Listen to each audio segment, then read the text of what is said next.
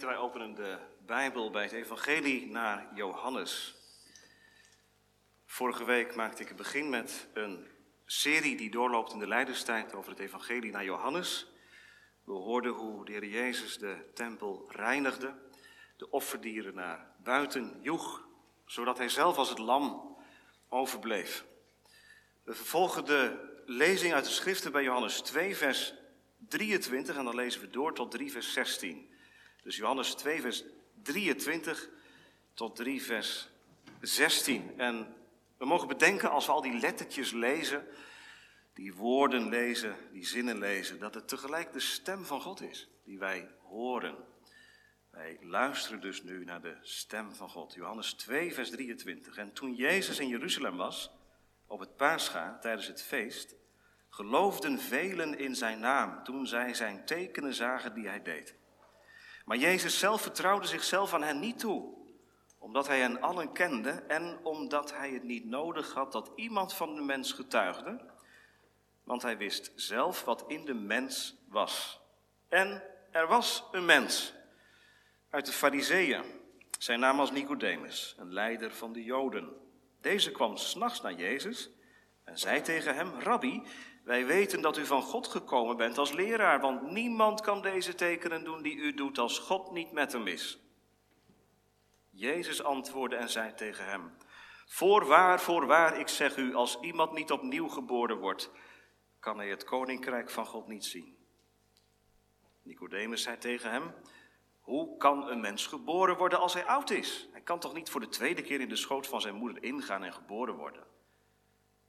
Jezus antwoordde: Voorwaar, voorwaar, ik zeg u, als iemand niet geboren wordt uit water en geest, kan hij het koninkrijk van God niet binnengaan. Wat uit het vlees geboren is, is vlees. En wat uit de geest geboren is, is geest. Verwonder u niet dat ik tegen u gezegd heb, u moet opnieuw geboren worden. De wind waait waarheen hij wil. En u hoort zijn geluid, maar u weet niet waar hij vandaan komt en waar hij heen gaat. Zo is het met iedereen die uit de geest geboren is. Nicodemus antwoordde en zei tegen hem: Hoe kunnen deze dingen gebeuren? Jezus antwoordde en zei tegen hem: Bent u de leraar van Israël? Weet u deze dingen niet?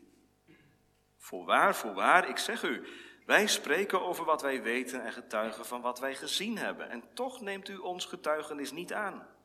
Als ik aardse dingen tegen u zei en u niet gelooft, hoe zult u geloven als ik hemelse dingen tegen u zeg? En niemand is opgevaren naar de hemel dan hij die uit de hemel neergedaald is, namelijk de zoon des mensen die in de hemel is.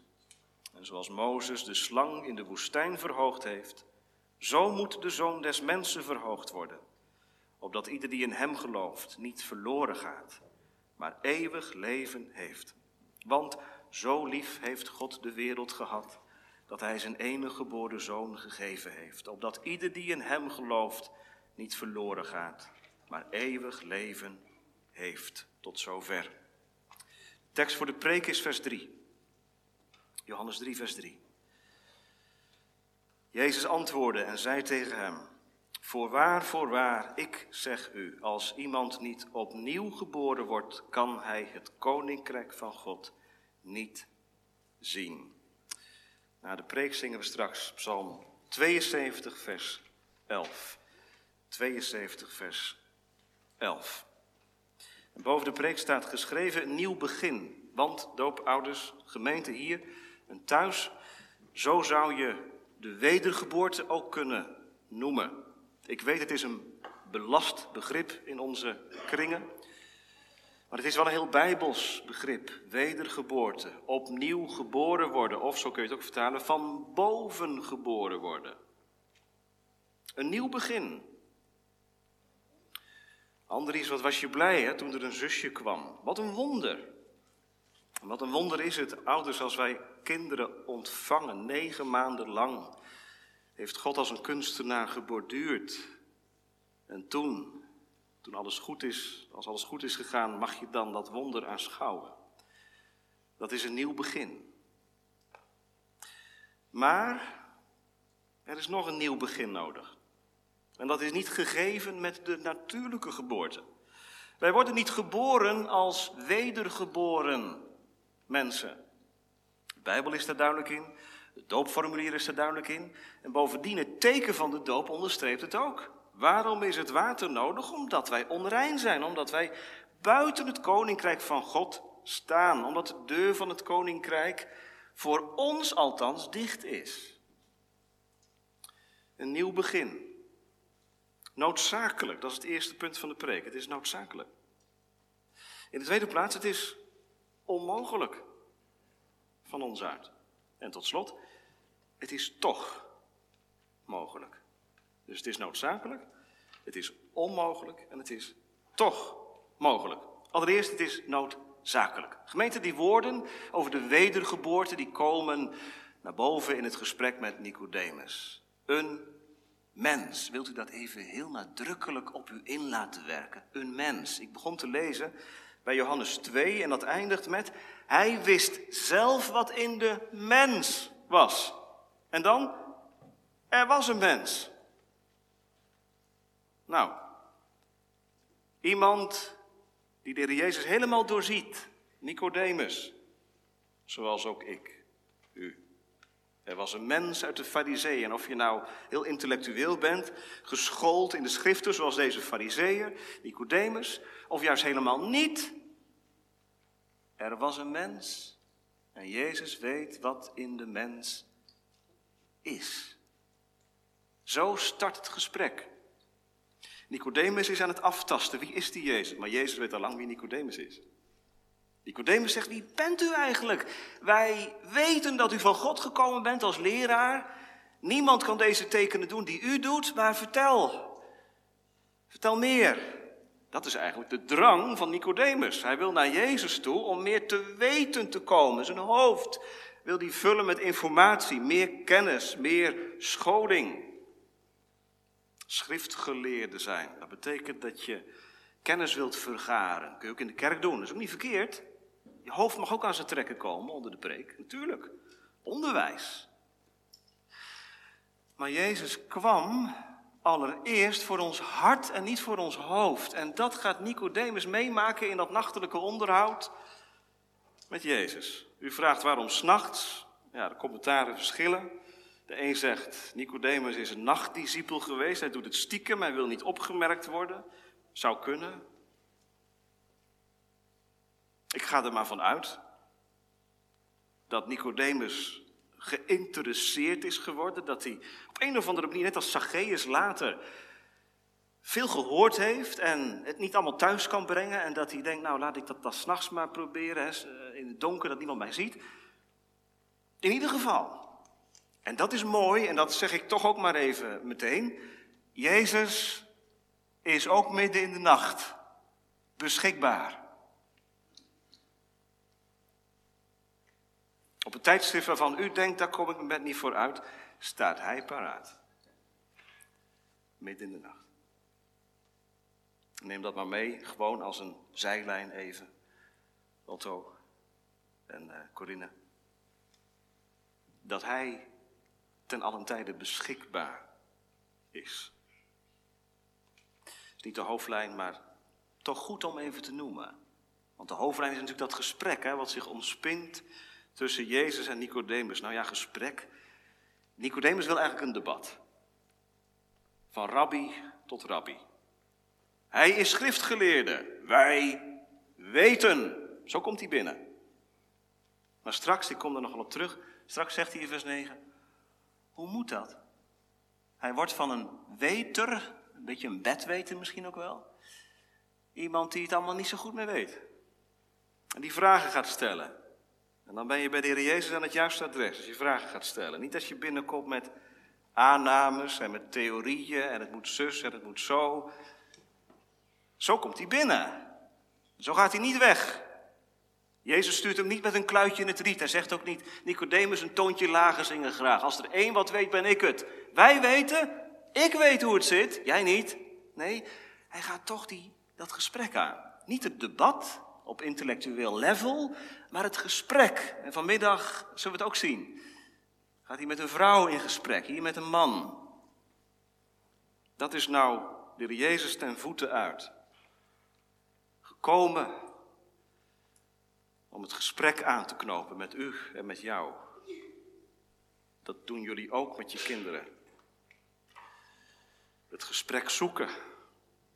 En dat gaat door allerlei fases heen. Zeker als u oudere kinderen hebt, dan kunt u daarvan meepraten, denk ik. Ja, soms gaat het, soms gaat het ook helemaal niet. Is er een dichte deur? Maar je probeert toch altijd dat gesprek gaande te houden. De relatie intact te houden. Hoe doet de Heer Jezus dat? Dat is wel heel opmerkelijk. Er staat in vers 3 dat hij antwoordt. Kijk maar, Jezus antwoordde. Maar heeft Nicodemus een vraag gesteld? Ik lees niet dat hij een vraag stelt. En toch is het woord van Jezus wel een antwoord. Voorwaar, voorwaar. Amen, amen. Als Jezus dat zegt, dan zijn dat hele geladen woorden, ernstige woorden, woorden die je niet zomaar naast je neer kunt leggen. Amen, amen. Ik zeg jou. Als iemand, dat betekent wie ook maar, of je nou Nicodemus heet, of Otto, of Suze, of vul je naam maar in, als iemand niet opnieuw geboren wordt, kan hij het koninkrijk van God niet zien. Dus dat antwoord van Jezus is vandaag, is vanmorgen voor ons ook een antwoord. U zegt, maar ik heb helemaal geen vraag. Nou ja, Nicodemus had ook geen vraag, maar hij krijgt wel antwoord. Al zit je in de kerk zonder vraag, krijg je toch antwoord.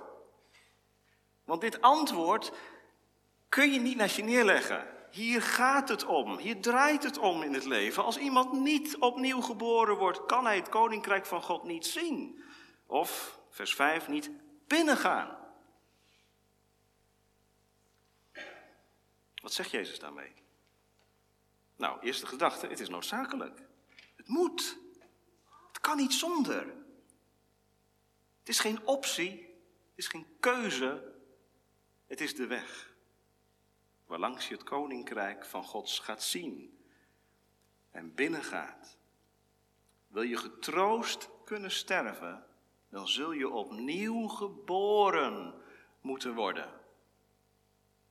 Wil je, zoals we gebeden hebben voor Suze, een plekje in de gemeente van de uitverkorenen ontvangen, geheel rein, dan zul je opnieuw geboren moeten worden. Ja, wat is opnieuw geboren worden? Heel veel mensen zien het leven als een ontwikkeling, als een proces. En dat klopt ook wel, want wij worden groter, wij worden wijzer, ook eigenwijzer. En dat groeiproces gaat maar door. En als je een baan hebt bijvoorbeeld, kun je ook weer ontwikkelen en kun je doorgroeien. En het staat eigenlijk nooit stil. Het leven is een ontwikkeling. Nou, zo komt Nicodemus binnen. Hij zegt eigenlijk tegen Jezus, wilt u mij nog meer vertellen over wie u bent? Dan kan ik mijn hiaten in mijn kennis aanvullen. Wij weten dat u van God gekomen bent, als leraar. Eh, vertel eens. Hij, hij daagt eigenlijk Jezus uit, hè? Niemand kan deze dingen doen tekenen doen die u doet. Deze tekenen, namelijk de tempelreiniging en water in wijn veranderen, als God niet met hem is. Vertel eens, kom eens over de brug. Wie bent u? En Nicodemus blijft buiten schot. Niet dus, hè. Jezus zet hem, ik zou haar zeggen schaakmat, maar dat klinkt misschien een beetje flauw. Maar hij duwt het eigenlijk terug naar hemzelf toe.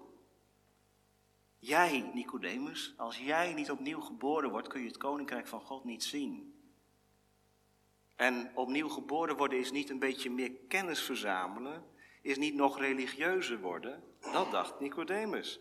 Nicodemus was al heel conscientieus en was al principieel. Gemeente, wat een antwoord. Hier staat geen heide, hier staat iemand die heel dicht bij het koninkrijk staat. Hier staat iemand die de schriften kent. En tegen zo iemand zegt Jezus, als jij niet opnieuw geboren wordt, kun je het koninkrijk van God niet zien. Al sta je op een, op een halve meter afstand, bij wijze van spreken, en je bent niet opnieuw geboren, dan blijf je buiten staan. Dus, opnieuw geboren worden, ja, dat, is, dat, dat, dat zit niet in jouw mogelijkheden, maar het is wel noodzakelijk om te leven. Gemeente, waarom leven wij? Waarom kunt u leven? Waarom kunt u gaan en staan waar u wilt? Omdat u geboren bent. Omdat je na negen maanden uit de buik van je moeder gekomen bent, gehaald bent. Daarom kun je de dingen doen die je doet. Dat is met opnieuw geboren net zo. Geestelijk leven ontstaat daar waar opnieuw geboren, wedergeboorte, plaatsvindt. Dat is wat anders dan opnieuw beginnen. En ook mensen die zeggen, ja, christelijk leven, dat is eigenlijk gewoon iedere dag opnieuw beginnen. Ja, je doet natuurlijk altijd verkeerde dingen. En uh, ja, je bent ook zondaar. Maar je kunt iedere dag opnieuw beginnen. Tegenwoordig zijn er ook heel veel coaches en boeken die je helpen om een nieuwe start te maken. Nou, dat bedoelt Jezus dus niet.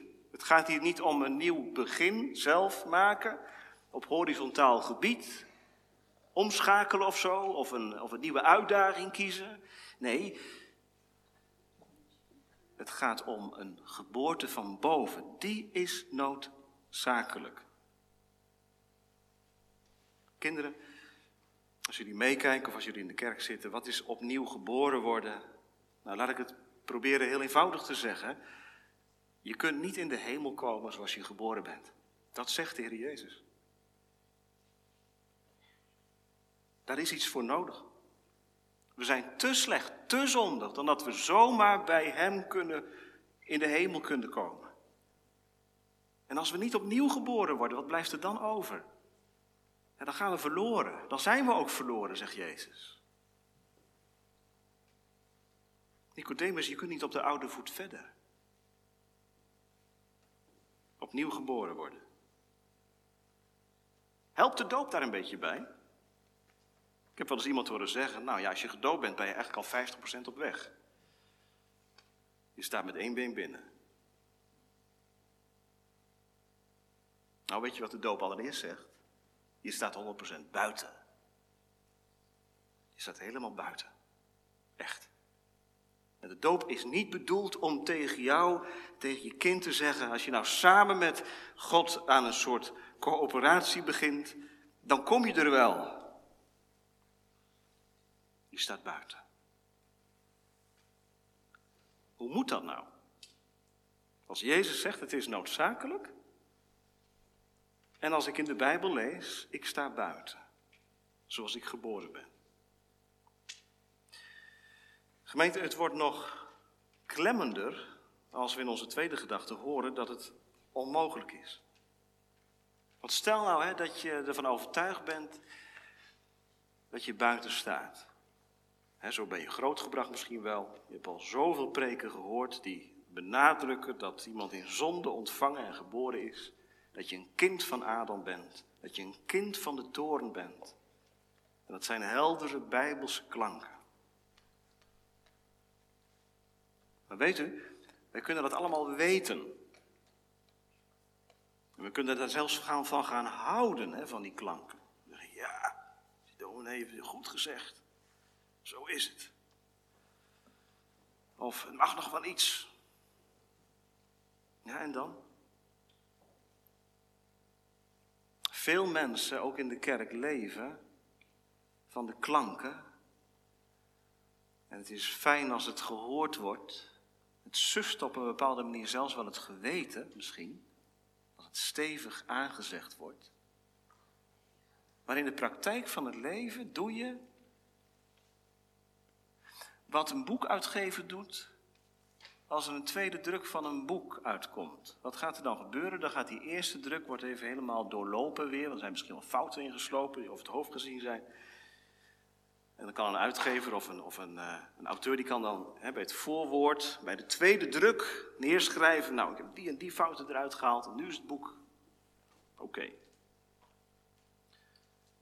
Veel mensen leven op zo'n manier. Daadwerkelijk ook. Als ik het over kon doen, dan zou ik al die fouten eruit halen en zo probeer je iedere dag een tweede of derde druk van je leven. Dan is iedere dag een soort ladder. Je klimt naar boven En soms stort je naar beneden. Of moet je aan het eind van de dag concluderen, ik ben toch een sport gedaald. Gemeente als Heer Jezus hier zegt tegen ons en onze kinderen, u moet opnieuw geboren worden. Heeft het geen zin om te denken dat je leven met een tweede of derde druk wel oké is? Een van de jongeren zegt misschien wel, dominee, maar dit gaat over Jezus en Nicodemus. Dit gaat niet over mij. Nou, wat zegt Jezus in vers 6? Wat uit het vlees geboren is, is vlees. Ben jij geboren uit het vlees? Ben ik geboren uit het vlees? Ja. Ik draag het DNA van mijn ouders mee. Ik ben vlees. Zo ben ik geboren. En vlees kan het komen. Ja, maar zegt iemand, ik voel helemaal niet dat, het, dat ik zo slecht ben. En dat ik, zo, dat ik buiten het koninkrijk van God sta. Integendeel, ik denk dat ik er heel dichtbij ben. Nou, die rijke jongeling dacht dat ook, hè? Dat hij heel dicht bij het koninkrijk was. En toch stond hij buiten. Je, waar gaat het dan om? Ook als je vanmorgen luistert. Het gaat er niet allereerst om dat je voelt dat je buiten staat. Of dat je voelt dat je heel erg slecht bent en zondig bent. Het gaat erom dat je het woord van Jezus gelooft. Misschien kan ik het vergelijken met er zijn ervaringsdeskundigen op dit gebied, ook in de gemeente. Ik kan het vergelijken met een gesprek wat je hebt met de dokter. Stel nou, je gaat naar de dokter toe, een plekje, het voelt niet goed. Of, nog erger, je komt gewoon tijdens een reguliere controle bij de dokter. En de dokter zegt, volgens mij klopt er iets niet. Ik stuur u door. U moet dus voor een scan naar het ziekenhuis. Ja, maar ik voel me goed. Nergens last van. En die scan, die komt en de uitslag wordt toegelicht en de arts die wijst de plekken aan en u ziet het en het dringt tot u door. Ik voel me niet slecht, ik voel me gezond, maar ik ben, ik ben er heel erg aan toe. Dan ga je ontkennen, kan dit wel, klopt dit wel, is dit mijn scan? Ja, zegt de arts, kijk maar, uw naam staat erboven, toen en toen bent u geweest.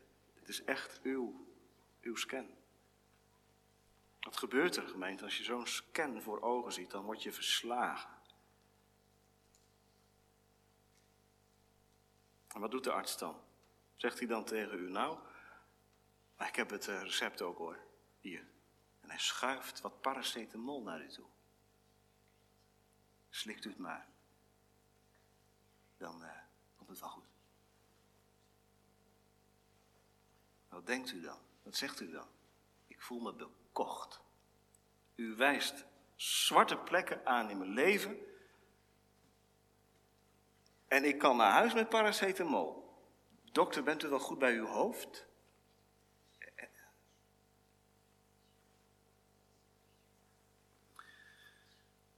Gemeente, om burger te worden van het koninkrijk is nodig dat je die bittere pil slikt. Wat is die bittere pil? Dat je erkent in zonde ontvangen en geboren te zijn. Niet als iets wat erbij hoort om gereformeerd te zijn. Ja, het is gereformeerd, nou en of. Maar omdat de Heer Jezus het zegt. Omdat Hij het zegt. En omdat Hij weet wat in de mens is. Ik voel mezelf niet zo zondig. Ik ben het wel. Ik sta buiten. En ik red het gewoon niet met mijn goede gedrag, ook niet in de opvoeding. Nee, niet door mijn opvoeding wordt Suze wedergeboren. jullie mogen wel kaders bieden hè? En, en grenzen aangeven en voorleven. En het zijn de middelen waardoor de Heilige Geest werkt, nou en of. Nou en of. Maar er zijn geen tips en trucs om jezelf en je kinderen een nieuwe geboorte te geven. Nicodemus, Stop maar met serieuzer zijn, met nog betrokkener of ernstiger worden. Je hebt een geboorte van boven nodig, een geboorte uit de geest. Een geboorte als een nieuw begin. En dat is voor Nicodemussen een moeilijke boodschap. dat is voor zondaren, voor mensen die klem zitten, een bevrijdende boodschap. Voor mensen die zeggen, nou, misschien is het nogal erger dan ik denk. Is het zo'n bevrijdende boodschap? Kun je jezelf ook niet bekeren? Heb je het geprobeerd? Ben je ook met die mission impossible bezig om jezelf voor God goed te gedragen? Zeg het vanmorgen. Je hebt het gezien. Heer Jezus, uw analyse is de juiste. Ja, maar de geest moet mij overtuigen van zonde. Maar dat doet hij wel. Dat doet hij wel. Luister jij maar naar het woord vanmorgen. De geest doet zijn werk wel. De geest waait waarheen hij wil. Het is als de wind. Je weet niet waar die vandaan komt. Het begin, geen idee. Maar één ding gemeente, de Heilige Geest als de wind. Jezus gebruikt het beeld in vers 8. Die waait wel een bepaalde kant op. Waar gaat het naartoe met de geest? Wat doet de geest als hij ontdekt aan zonde? Wat doet de geest als hij jezelf ontmaskert als een vrome huigelaar? Als een principiële hypocriet? Of gewoon als een notoire zondaar? Wat doet de Heilige Geest dan? Stuurt hij je dan met een kluitje in het riet? Zegt Jezus nou, Nicodemus, er moet een wonder met jou gebeuren. Jij moet wedergeboren worden. Daar is de deur. Nou, ik heb wel eens spreken gehoord, ja, waar alleen dat gezegd werd. De mens moet opnieuw geboren worden. Dat is één deel van de waarheid. Want een mens moet niet alleen opnieuw geboren worden, een mens kan ook opnieuw geboren worden. Die twee zijden benadrukt Jezus in dit gesprek.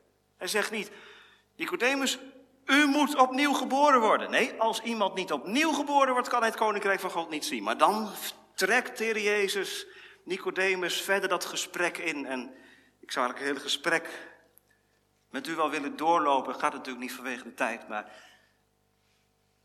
dat is zo pastoraal, zo herderlijk.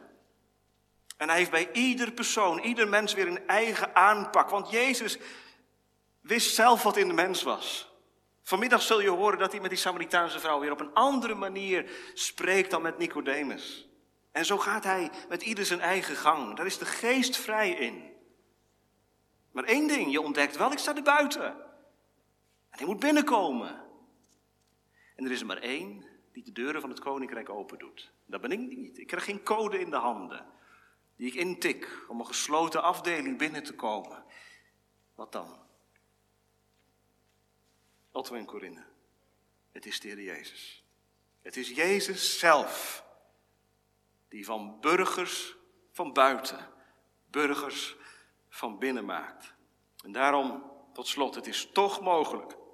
Het is toch mogelijk. Hoe moet dat gebeuren? Oh, wat is dat een heerlijke vraag. Van Nicodemus. En wat moet het ook als muziek in de oren geklonken hebben voor de Heer Jezus? Denkt u niet? Zo'n vraag. Als er nou iemand luistert vanmorgen in tijdens de preek hier of thuis. En die zegt, hoe kan dat dan? Hoe moet dat dan? Vertel mij hoe het gaat en hoe het moet. Hoe kunnen deze dingen gebeuren? En dan gaat de Heer Jezus geen routekaart geven. Nou, Nicodemus, eerst leer je dit en dan leer je dat en dan gaat zus en dan zo. En, dan, en uiteindelijk kom je daaruit. Wat doet de Heer Jezus? Begint met de wedergeboorte.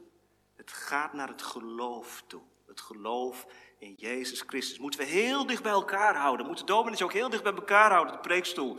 Niet de wedergeboorte preken.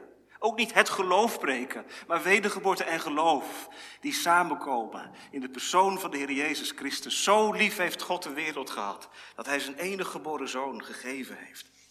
Otto en Corinne, wat is jullie opdracht? Wat is jullie taak?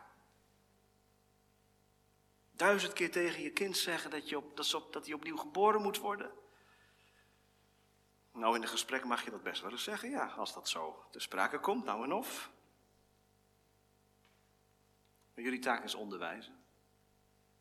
Onderwijzen.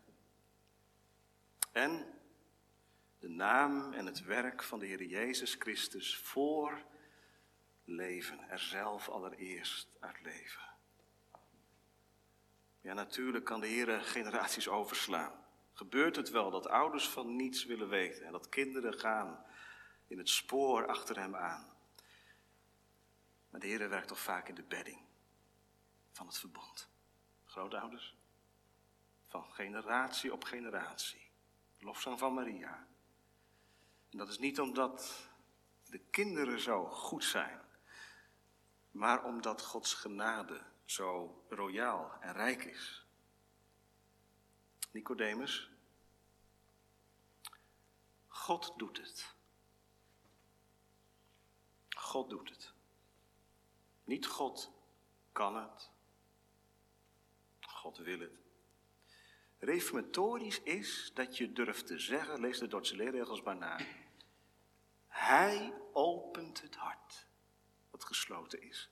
Hij vernieuwt de wil die verkeerd gebogen is. Hij verlicht het verstand wat verduisterd is.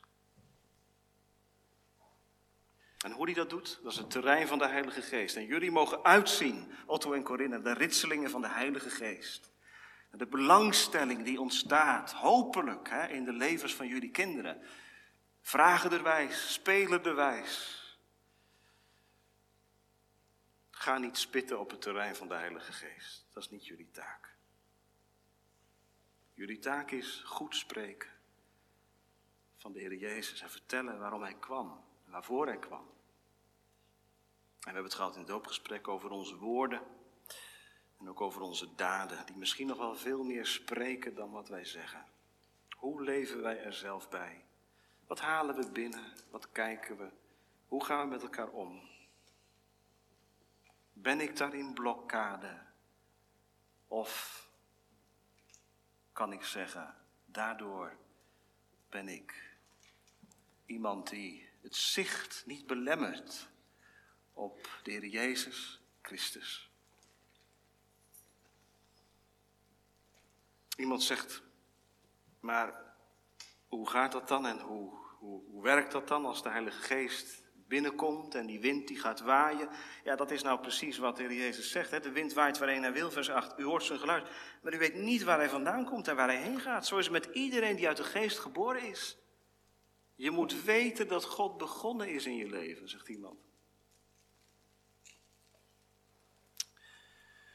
En weet u waar hij begonnen is dan? In de meeste gevallen gaat het heel geleidelijk. Geleidelijk. En toch kun je het wel weten. Eén ding weet ik, zei de blindgeborene. Ik was blind en ik kan nu zien. En hoe weet je dan of je wedergeboren bent, zegt iemand. Ik ben gedoopt, maar dat is niet genoeg. Hoe weet je dat je wedergeboren bent? Door het geloof. Door het geloof. Want wat is het geloof? Nou, even terug nog hè, naar de bevalling. Suze werd geboren. Ik weet niet uh, wat het eerste was wat jullie hoorden, maar waarschijnlijk een kreet, iets van geluid. En dat is een goed teken, hè? want als een kindje geboren wordt, dan moet het uiten, dan moet het schreeuwen, dan moet het geluid maken. Hulpeloos, hunkerend. Wat is nou typerend voor het werk van de Heilige Geest? Dat hij je nieuw begin geeft. Schreeuwt naar omhoog, hunkert, hoopt, gelooft in Christus. En geloof klinkt heel groot, maar het geloof is niet je middelaar. Het geloof is maar een, een middel. Dat is die lege hand. Dat is dat verlangen, dat dorsten naar de levende God. Dat is wat in de woestijn gebeurde toen de gifslangen rondgingen en hier en daar beten uitdeelden en mensen ten dode toe verwond waren. Maar Mozes in opdracht van de Heere God, die slang op de staak moest stellen en moest zeggen, en wie die slang aanziet, die zal leven. Kijk! En dan zie je een klein kind achter zo'n tentdoek. Kijk naar de slang. Het blijft in leven. En dan zie je ergens anders een oude grijze man, verweerd in zijn gezicht, en hij kijkt ook naar die slang, dodelijk verwond. En hij blijft in leven. Zoals Mozes de slang in de woestijn verhoogd heeft. Zo moet de zoon des mensen verhoogd worden. Nicodemus, jij moet wederom geboren worden. Jezus eindigt met, zo moet de zoon des mensen verhoogd worden. Daar gaat het om. En de doop onderstreept dat God het wil en doet. Ik zal rein water op u sprenkelen. Ik zal u een nieuw hart geven. Ik zal mijn geest geven in het binnenste van u. Die belofte klinkt.